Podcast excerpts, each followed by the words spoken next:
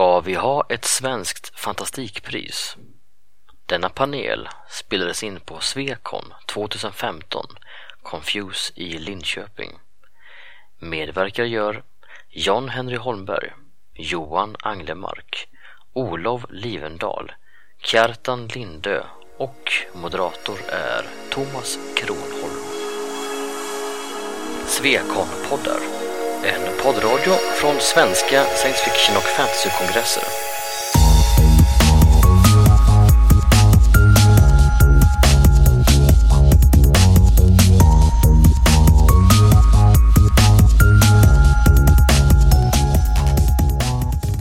Okej, hjärtligt välkomna till den här diskussionen om ett svans, svenskt fantastikpris. Om vi ska ha ett sånt eller inte. Eh, och eh, den här diskussionen satte igång Eh, på grund av en, eh, ett inslag i, eh, på Facebook som Oskar Källner gjorde betydligt tidigare i år. Och det, det rullade på ganska bra en diskussion där och sen så somnade den av. Men, och det här är inte första gången det här diskuteras förstås. Det, det, så är det. Men vi tyckte ändå att det kunde vara bra att lyfta den här frågan på, här, på Confuse. Så nu har vi en liten panel här som består av eh, Olof Lin- Livendal, John Henry Holmberg eh, och eh, Kjartan Lindö och John Henry Holm... Nej, det... Där vart det bra. Johan Anglemark förstås. Okej. Och eh, det vi ska diskutera är om det finns några fördelar eller nackdelar med att ha ett svenskt fantastikpris och hur det i så fall skulle kunna vara konstruerat. Och då finns det ju faktiskt eh, några förebilder. Det finns faktiskt en i Norge. Eh, Fab, Fabula-priset. Och eh, jag kanske kan börja med att höra, Kjartan, vad, vad ni har för er- erfarenheter av det. Ja. Mitt navn er Kjartan Lindø. Jeg var en av grunnleggerne av Fabelprisen, som ble første gang utgitt i Norge i 2007. Den har blitt utgitt eh, hvert år, bortsett fra i 2011, og det var fordi vi ikke fant at noen utgivelser foregående året var gode nok til å kunne forsvare å gi pris til. Eh, I Norge så har vi kalt det for Fabelprisen, og det inkluderer skräck, skrekk, fantasy, horror, science fiction, alt som er gøy, alt som er moro, alt vi liker. Eh, det administreras av en förening som heter Fabelprosans vänner som eh, för tiden har tre medlemmar. Så det är en väldigt exklusiv förening. Det är ingen fler som har bett om att bli med, så, så det är väldigt greit sånt. Men det är då folk som är supernerder och har läst väldigt mycket och läst väldigt mycket norsk litteratur, så man har ett ganska bra referensgrundlag. Eh, Men, men det er fans som gjør det, det ikke litteraturvitere. Det vi er erkefans. Ja. Okej. Det, det har ju funnits som sagt eh, priser också i Sverige. Jag vet inte, John Henry, kommer du ihåg med något sånt här gammalt svenskt eh, fantastikpris? Nej, något, något direkt har ju så vitt jag vet aldrig funnits. Eh, Alltså JVM hade ju någonting och eh, ja, det kanske de hade, men det tog det väl ha utdelats av utgivaren. Eh, det som har det som har funnits är diskussioner ändlöst. För det fanns en gång i urtiden någonting som hette Svenska Akademin för Science Fiction. Startad eh, 1963 tror jag av eh, docenten Ingvar Svensson i Uppsala. Eh, och det utdelade eh, någonting som från början hette i alla fall no, Imperias Nobelpris i science fiction. Vilket då, han hade, det här var jag ska inte gå in på det i detalj, men på den tiden så förekom något som kallades för det fanniska kriget där ett antal ledande svenska fans utropade sig som härskare i olika eh, smärre delar av landet som de hittade på fantasinamn till och sen så skrev de noveller i fanzinen om hur de bombade ihjäl varandra och sådär. Va? Och eh, Ingvar, det, det ansågs vara en satir över krigshets eh, men var väl mera en, en fånig lek. Eh, Ingvar Svensson var då imperator i imperiet som var Uppsala med omnejd. Eh, och att ha det namnet på ett pris kanske också säger någonting om seriositeten i det hela. Det utdelades vanligtvis till, det utdelades i ett antal år. Sista gången, om jag minns rätt, 1976. Eh, eh, och de första flera åren så gick det till andra fans som hade gjort ovanligt bra fanzin eller något sånt där. Lite senare när Ingvar hade valt in fler medlemmar i akademin, jag ingick själv till och med, eh, så började vi ge det faktiskt till någon professionellt verksam människa som hade gjort stora insatser ansåg vi för, för SF eh, genom sitt, sin verksamhet som kritiker eller författare eller, eller konstnär. Eh, Sven-Christer Svan fick det bland annat. Då delade vi ut det i form av en trästaty gjord av träsnidaren Urban Gunnarsson på Drottninggatan som är en gammal SF-fan också. Eh, mycket tjusig. Det var en rymdman i rymddräkt som skakade lem med något monster. Eh, utomjordiskt väsen. eh, rymdmannen var likadan varje gång. Monstret byttes varje år. Att varje är ett unikt konstverk. De var ganska jävla dyra också för Urban inte billig. Eh, även om vi fick specialpris. Eh, dock upplöstes den där SF-akademin 76 ungefär och ingen har fått för sig att starta om den sedan dess. Eh, sen har det diskuterats några gånger. Jag var med själv för ett antal år sedan. Eh, Sven Kristersson dog, som kanske känt, 2005.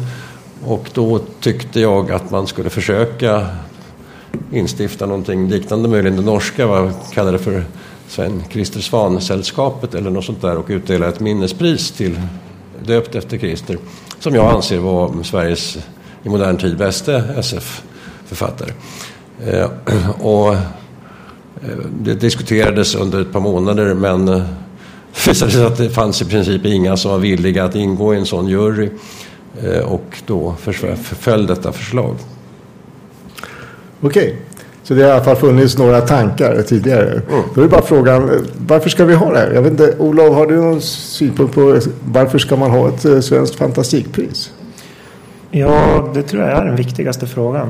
Uh, svaret på om vi behöver ett fantastikpris är kanske egentligen nej. Men vi kanske också vill ha det. Men jag tror att just frågan om vad syftet med det är, om det är att höja statusen för fantastiken eller om det bara är att ge en klapp på ryggen till en författare och ha kul. Så, beroende på vilket, vilket svar vi ger så kommer priset behöva vara väldigt olika, tror jag. Så jag tror att den, den frågan är nog den som vi ska svara på först. Exakt vad syftet är. Och Johan har tydligen svaret. Nej, men jag har en tredje, en tredje inte tes, men, men variant här. Och det är ju att priset kanske är till för att få flera människor att läsa svensk fantastik. Eh, och eh, om man i så fall, om man, man, man skulle kunna ha istället för ett jurypris som riktar in sig på vad högt kvalificerade, avancerade människor med god smak anser är den bästa boken riktar in sig faktiskt på mer som Hugopriset, att det är ett popularitetspris. Då kommer man inte få riktigt fantastiska böcker kanske som, vinna, som vinnare, men man kommer få uppmärksamhet kring svenskt publicerad fantasy, SF och skräck. Och menar, inom fandom och eh, större kretsar kommer folk börja läsa de här för att se själva. Och på det sättet så odlar vi fram författartalanger. Eller ger de författartalanger som vi har som sitter här inne som har börjat publicera sig eh, menar, en större publik så att de kan ge ut mera saker och utveckla sig. Ja, bra för den inhemska författarscenen. Det är ett tredje alternativ. Ja, den som då skulle ha glädje av ett sånt här pris det är ju egentligen de som ger ut böcker. De, ja, vi som ekonomisk glädje. Ja, ja, ja, i och för sig. Men, men eh, den, den, ekonomiska glädjen, då skulle man också kunna tänka sig att det var, skulle vara de som finansierade och kanske också i någon mån organiserade. Nej, nej du, kan inte, du, du kan inte be de som ska få priserna att betala priserna. Det, det blir en konstig nej, ja, för, Alltså förlagen? Ja, men man alltså, måste skjuta till pengar om man ska ha ett ekonomiskt pris. Det tror jag blir svårt. Men ja, det, är möjligt det, det blir Augustpriset av det. Och det är klart.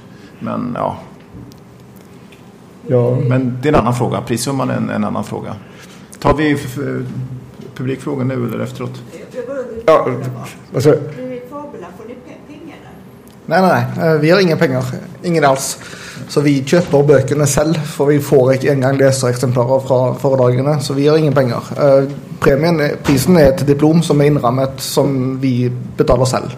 Av egen lomme. Så det ingen stønad, men ingen pengar. Men det har vi heller inte sökt om. För, för oss är detta ett faninitiativ. Det är fans som önskar att ge ära till den bästa boken. Hur uppmärksammas priset utanför Fandom? Eh, Nästan icke. Eh, det är, vi har en Wikipedia-sida eh, med mm.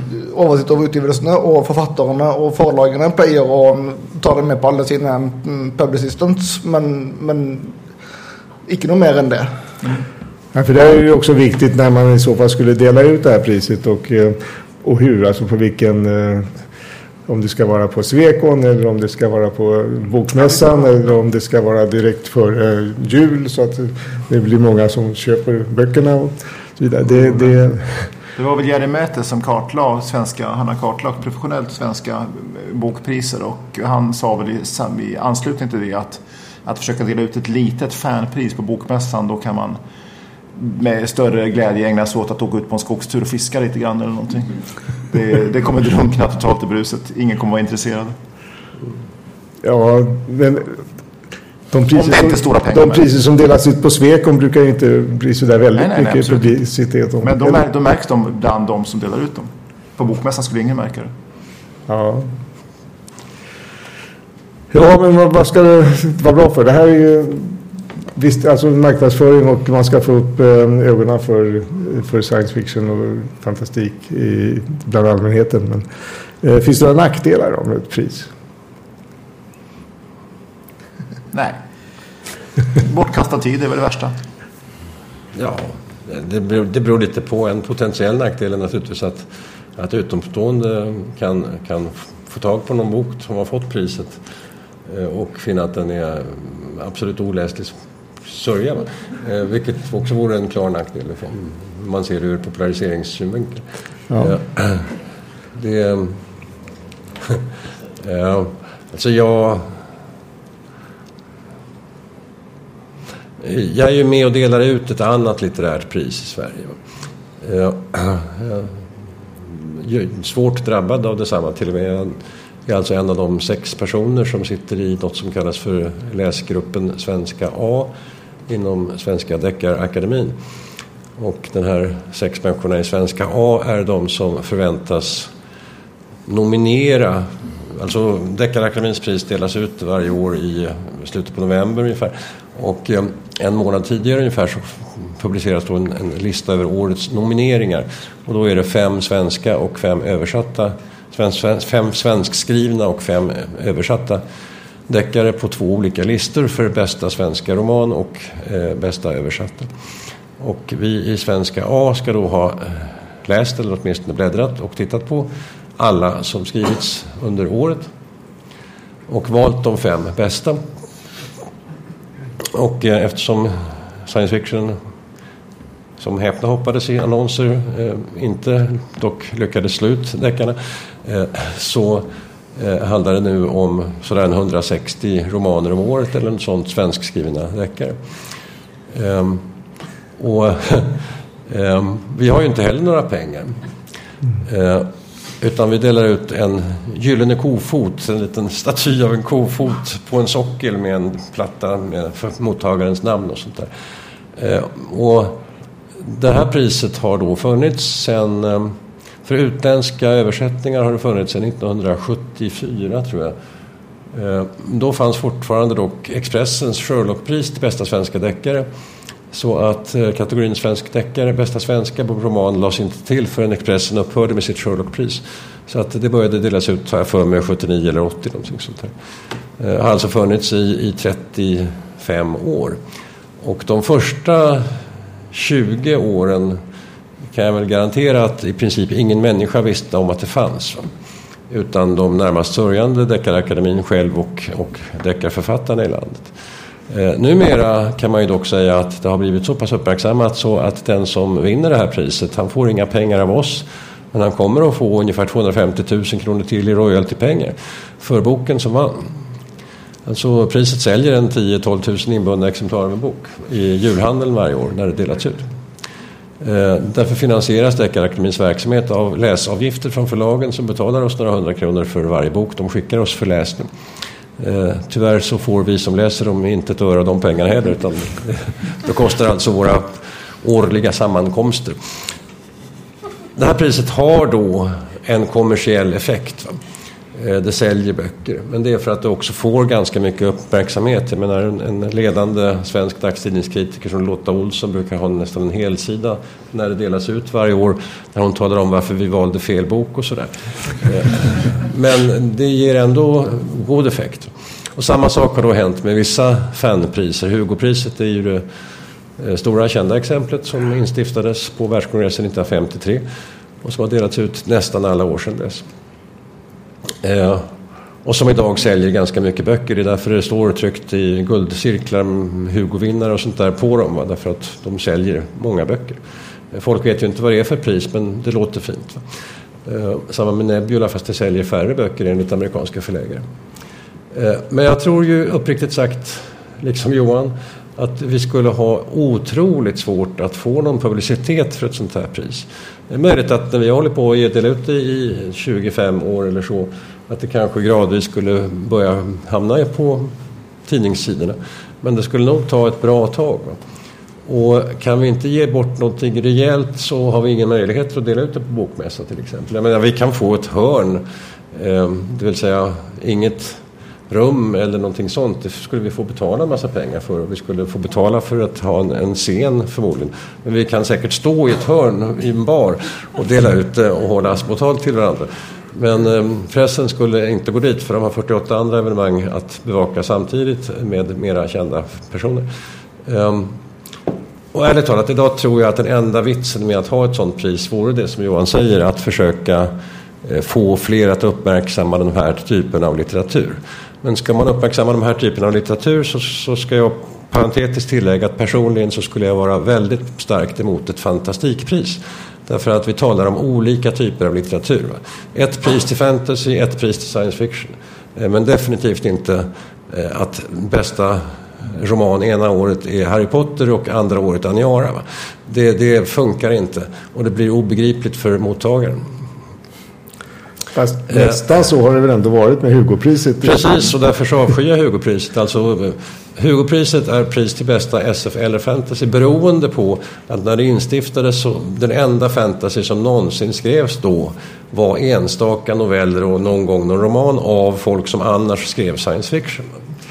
Men idag har fantasyfolket egna priser, World Fantasy Award och sånt där. Ta bort fantasy ur Hugopriset och gör det till ett science fiction-pris. Ja, ja, det kanske är bra. Ehm, Men då är det andra alternativet att vi, gör, att vi har ett pris som enbart är för oss själva så att säga. Alltså ett Ja, inom, inomfaniskt pris. Och med det finns ju föga vits, ärligt talat. Va? Det enda det skulle leda till är att vi grälar inbördes om att vi gav det till fel bok. Ja, men det finns, det finns ju en fördel och det är ju det att då får, då, då, precis som med Hugopriset, jag har läst en jävla massa skit senaste åren bara för att jag vill kunna rösta i Hugon. Och då får vi folk att läsa, ja, kanske inte skiten bara, de, men överhuvudtaget att läsa mera svensk fantastik. För att de ska kunna vara med och rösta. För, de vill, för att det är kul att vara med och rösta och kul att vara med och påverka. Så då får man folk att köpa och läsa böcker. Det tycker jag är bra. Ja, då ska man alltså ha eh, att det utses genom omröstning Ja, hela, precis. Ja, hela visst, visst. Är- Och då är det, liksom, det, då är det deltagandeprocessen som är det viktiga. För man kan ju också tänka sig att man har en jury som eh, försöker hitta den bästa boken. Men från- varför? Ja, det kan ju vara till, till glädje för läsarna. Att läsa en god bok kan ju vara bättre än att läsa många dåliga böcker. Ett annat argument är att hvis man inte har pengar så kostar det fort mycket pengar att arrangera en omröstning. Men att ha en jury som gör det på frivillig basis kostar inte lika mycket. Nej, men det är fortfarande, då tycker, jag, då tycker jag vi kommer tillbaka till varför har vi priset? Jag tror inte det kommer uppmärksammas. Ja, Och jag tror, inte att, jag tror inte att det skulle sälja böcker heller. Inte på länge i alla fall. Nej, men inte ens inom Fandom. Nej, det tror jag inte. Så att det, är- däremot om man tvingar, menar, det är kanske lite så här elakt resonemang, men om, om folk måste läsa de här böckerna för att kunna rösta så kommer de kanske läsa böckerna. Alltså man, man, man ska ju nog i viss mån komma ihåg att, att vem är det som köper de här 10-12 000 extra exemplaren av den deckare som får pris som årets bästa? Alltså så vitt vi har kunnat någonsin mm, ta reda på det så är det alltså julklappsböcker som köps av folk som själva inte vet vad som är eller bra eller dåliga deckare och som ger bort det till någon släkting som de vet gillar deckare. Mm. Så att eh, det priset är alltså en vägledning för oinitierade köpare som ska skänka det till någon som förmodar, de förmodar gillar form, den, just den typen av litteratur. Det, det är den stora köpgruppen. Sen är det naturligtvis så att kanske nybörjare som vill se vad är bra deckare. Jag vill, jag vill bli deckarentusiast, jag vill läsa tio deckare. De kanske börjar med tio som har fått pris. Det, det kan finnas sådana. Ja, Olof? Ja, det går att göra en kompromiss också. Att en jury väljer ut fem, fem böcker och sen får folk rösta på ja. dem. Eller som World Fantasy, då är det väl två nominerade som utses av, äh, av folket så att säga och tre som är juryutvalda, tror jag. Det skulle kunna vara en variant. Så får man ändå större publik till just de fem böckerna. Men ja, man slipper de negativa effekterna. Men, men med förlov sagt, hur stor är den samlade utgivningen av SF och fantasy av svenska författare i landet per år. Att ha fem nomineringar per kategori och jag envisas med att det är två olika typer av litteratur som man måste ha skilja på. Ja. Eh, man kan, vem är liksom bäst, Tolkien eller Heinlein? Så många som fem nomineringar kan ju inte behövas. Nej. Ja, för att det ges, ges, ges ut extremt mycket på småförlag av egenpublicerade saker. Ja, ja. Men det gäller deckarna också. Alltså. Ja. Det, det, Jo, men när det gäller deckarna kanske man kan bortse från mycket sånt eftersom det finns så mycket av, utgivna på, av yrkesförlag, menar stora förlag. Men inom SF Fantasy kan man inte det. Men vi tittar på dem och så. Ja, okay. Jag kanske ändå ska fråga Oskar som satte igång den här diskussionen. Eh, hur ser du på det idag när, när du har sett hela diskussionen på nätet? Är det fortfarande så att det är en bra idé att eh, ha ett svenskt fantastikpris? Alltså, jag kanske är en aning jävig i frågan. Eftersom jag gärna skulle vilja vinna priset. Eh, framför. Men eh, jag tror att det vore en bra idé, just av den orsak som eh, Johan nämner. Att förhoppningsvis kan man peka på, jag tycker idén med en jury som vill ut några som man säkert röstar på är bra. Förhoppningsvis om den här juryn då valt ut ett urval som är inte bara skit, inte behöver läsa en massa skit, utan kanske läsa bra svensk fantastik och få upp ögonen för dagen? Alltså, en sak som vore väldigt trevlig med det här det är naturligtvis att den historiska sanningen att allt egenpublicerat är skit stämmer ju inte längre. Men det är mera skit bland egenpublicerade än bland eh, storförlagspublicerade. Vilket gör att många drar sig för att överhuvudtaget köpa och läsa sånt här. Men har man då ett jurypris som folk litar på och som fiskar upp de böcker som faktiskt genuint är utgivna därför att ingen annan just då ville ge ut dem och inte. Eller för att författaren inte orkade gå genom hela förlagsprocessen och inte därför att ingen annan ville ge ut dem. För att de var för dåliga. Men kan man få folk att hitta de böckerna och läsa dem så är det ju i sig men en, en guide, filterfunktion för, för de här pytteförlagen och egenutgivningen. Så att man kan få fram de böcker som faktiskt är bra bland dem. Jag tror att det skulle kunna vara något som ger energi till hela författarscenen positivt. Och som i sin tur också då ger förhoppningsvis energi hos svenska läsare som upptäcker att det här finns mycket bra grejer. Ja, det är ju ändå ett sätt att eh, visa lite mm, uppskattning mot författarna. Förutom att man köper boken så är ju det här ändå ett sätt att visa att man har Den uppskattningen de behöver, att man läser, läser deras böcker. Men, men det var ju också nog av motivation för Fabelprisen. Det var ju nettopp det att kunna ge, i och med att väldigt mycket mindre fabelprosa utges i Norge än det görs i Sverige för tiden. Så var det ett mål att kunna ge författarna något och säga till förlaget att jag har faktiskt vunnit pris för detta, det jag håller på med. Jag är inte så dålig som dere tror. Och kanske att man då skulle fortsätta kunna ge ut en fabelpåse. Så det var nog av motivationen för Fabelprisen var nettopp det att ge en boost till, eh, till författare så att de kunde overtale förlag om att, om att fortsätta ut i den. Men eh, vi har en foreløpig väldigt få uh, små selvutgitte, egenutgitte forlag och egenutgitte författare. For, som regel så är det bara de etablerade förlagen som har blivit värderat uh, till vår pris. Eva? Eh, jag, jag, tror att en poäng i alla fall för mig om jag ser mig själv som läsare då, det är ju det att man eh, får lite grann riktlinjer kring vad det är som ges ut varje år som är riktigt, riktigt bra. För det ges ut eh, så pass mycket fantastik nu att eh, du kan inte läsa allt eller du har svårt att läsa allt. Vilket innebär att det blir lite slumpmässigt vad man väljer att läsa för det hänger på vad du får reda på.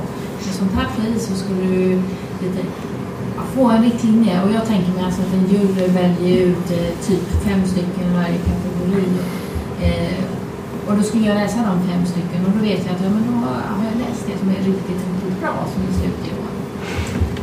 Den pengen tror jag skulle kunna få. Här, fråga, nu ska vi se, du är med barnet. Hans, Hans först, Annika sen. Är det så? Ja. Ja, Okej, jag då tar vi Hans först då. Jag tänkte undra om någon, Oskar eller någon annan, har ett hum om hur mycket svenskskriven, antar jag att det vi pratar om, science fiction, fantasy etc. publiceras det nu för tiden på ett år? Jag har roat mig med att göra bibliografier några år i sekelskiftet ungefär.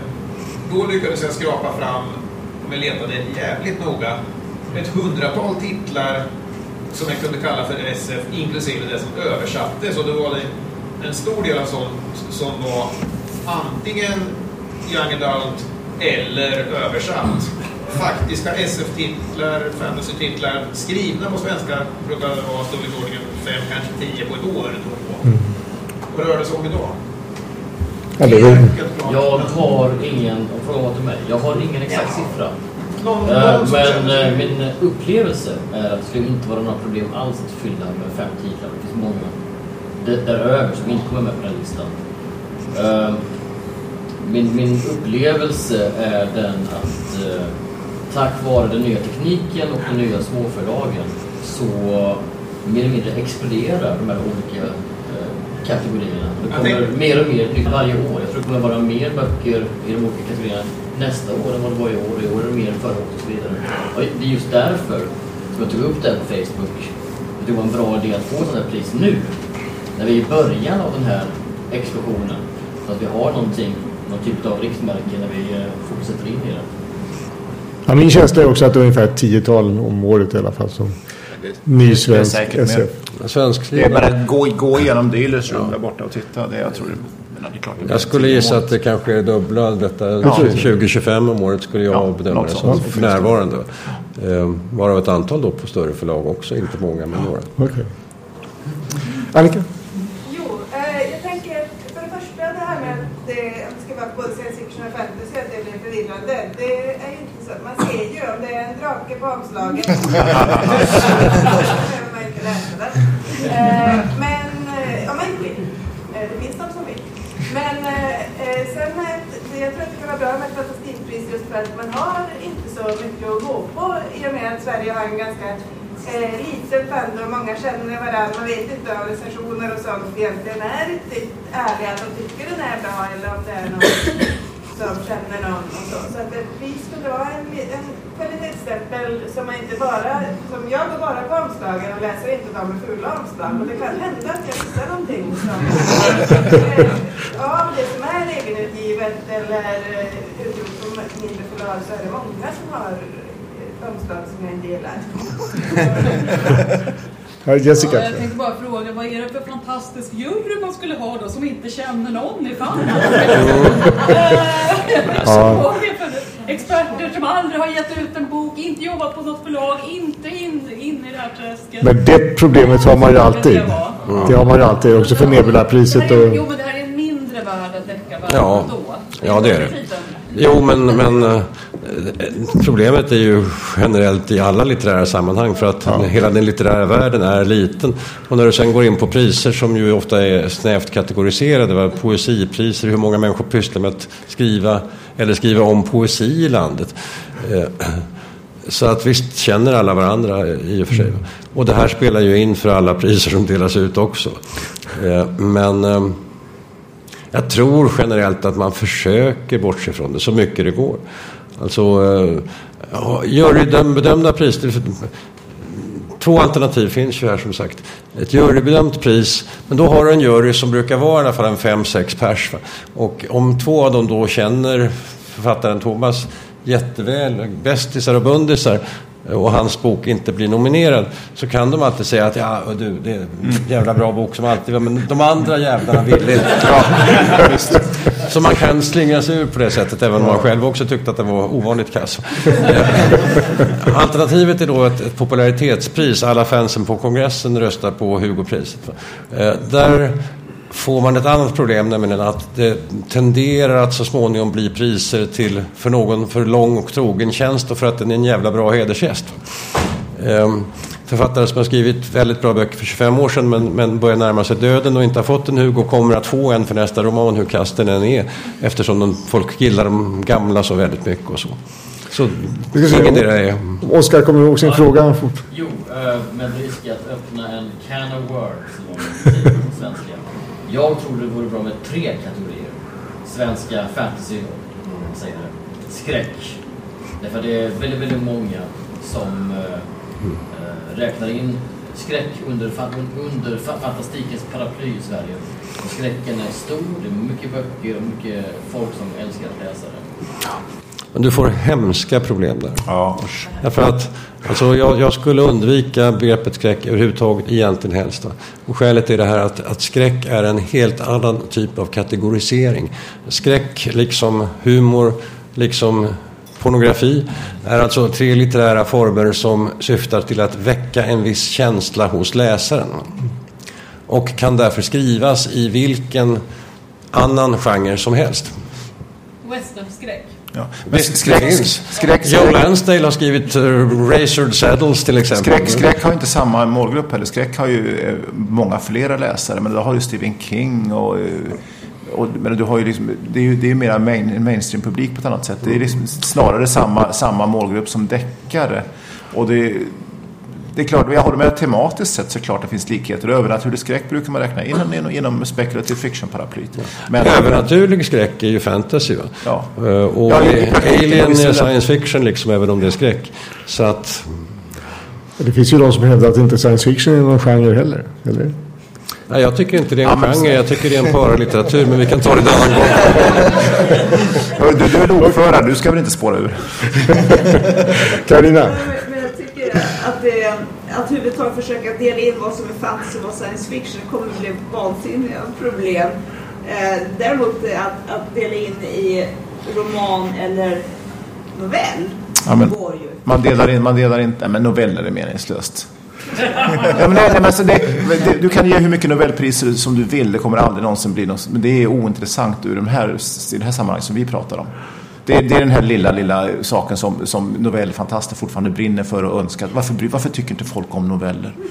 Det är, Men folk tycker om mycket. nej. nej. Det har blivit bättre igen, men... Jag har inte hängt med Johan. Men folk skriver ju böcker om bevingade hästar och sånt där istället. Också, förlåt. Men i Sverige så är det novell, alltså antologi ganska stark. Novellscenen ser jättebra ut i Sverige just nu. Både med e-böcker och med antologier. Novellen är inne just nu i Sverige. Det är hur hett som helst. Hur många noveller publiceras inom fantastiken per år i Sverige? För det är inte så himla många samlingar ändå, antologier. Det är nog. Det är tiotal samlingar. Men Ja, och sen så är slut ganska mycket e-noveller. I och för sig, en del av dem är e-noveller som har funnits i samma Ja, just det. Ja. Men det ges ut en del som eh, faktiskt enbart De, de kör ju mycket med det här med att man kan snabbt köpa till mobilen om du... Ja. Det är till och med vissa som säljer där det står hur lång tid det tar att läsa novellen på ett ungefär. Så man vet att jag ska åka tunnelbana i fem minuter. Att den här är fem minuter så köper man den för 10 kronor. Och så läser. Och så räcker den bara, och så räcker den bara två minuter för att de, de, de, precis exakt de räknar med så här vanliga normala människor. Men det är, det är många förlag som faktiskt använder sig av det. Även de stora, alltså både små och stora använder sig av. Men, men när det gäller kategorisering annars eh, så tror jag väl att det får väl helt enkelt den som lämnar in boken, förlaget får väl tala om vad de tycker att den är för någonting och sen så bedömer man den i den kategorin. Så, så ska man väl rimligtvis lösa det. Jag menar, att jag ska sitta, att juryn ska sitta och, och tycka att ja, men, det här, är- den här enhörningen är nog genetiskt modifierad, så vi säger att det här är science fiction.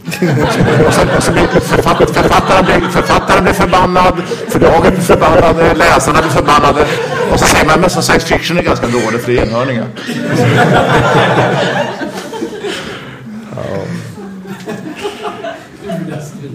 Ja, jag vet inte vi kommer så här vansinnigt mycket längre. Vi det?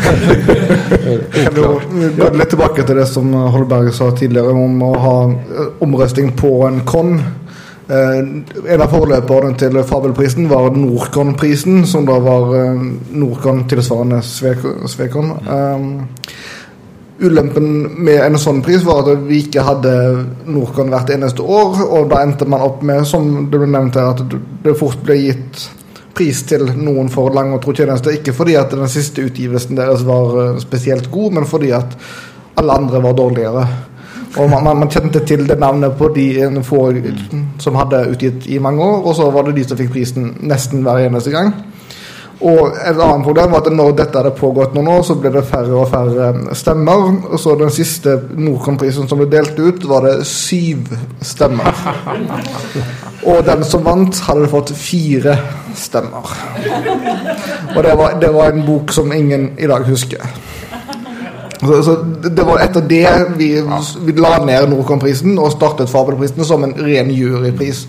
Fordi at det var ikke noe poeng i å ha en omrøsting på en kon i Norge. Nej, alltså risken är att folk inte läser de här och det är ingen som röstar och då dör det. Ja, till och med ett så, stort pris som Hugopriset höll ju nästan på att dö den här gången. Ja, att, ja, fast av andra anledningar. Jo, jo, men alltså det skulle man ju kunna göra liknande saker i en... Här. Nej, men vi har ju inga sådana politiker i Sverige som skulle... Svensk Fandom är ju så oerhört mycket bättre. Ja, så är det. Svenskar är alltid bättre medan Precis. alla andra folk i världen, det vet jag. Ja, nej, men det är ju känt.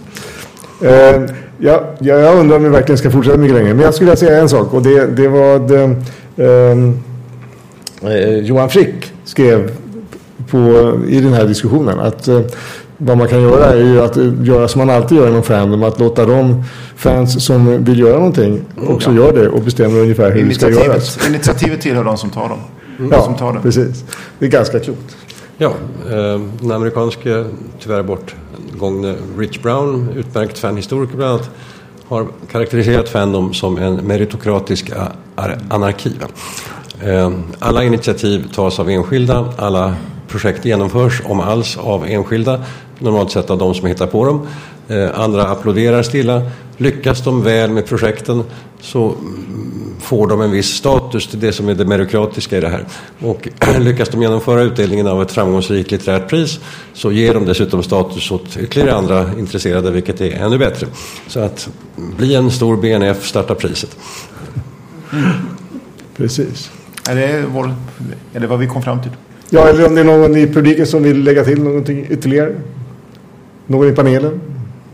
Jag trodde vi skulle lösa den här frågan av den här panelen. Jag är lite besviken. Nej, vi får nog lösa den i baren, tror jag. Ja. Då får jag tacka panelen så mycket för de oerhört kloka inläggen. Och likaså publiken för att ni sitter kvar här fortfarande. Ja, men inte för kloka inlägg. Okej, tack ska ni ha.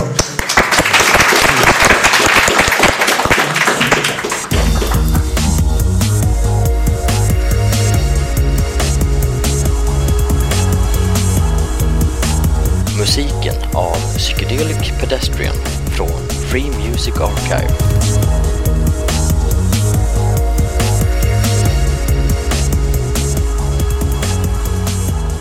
Besök gärna vår hemsida på svekonpoddar.se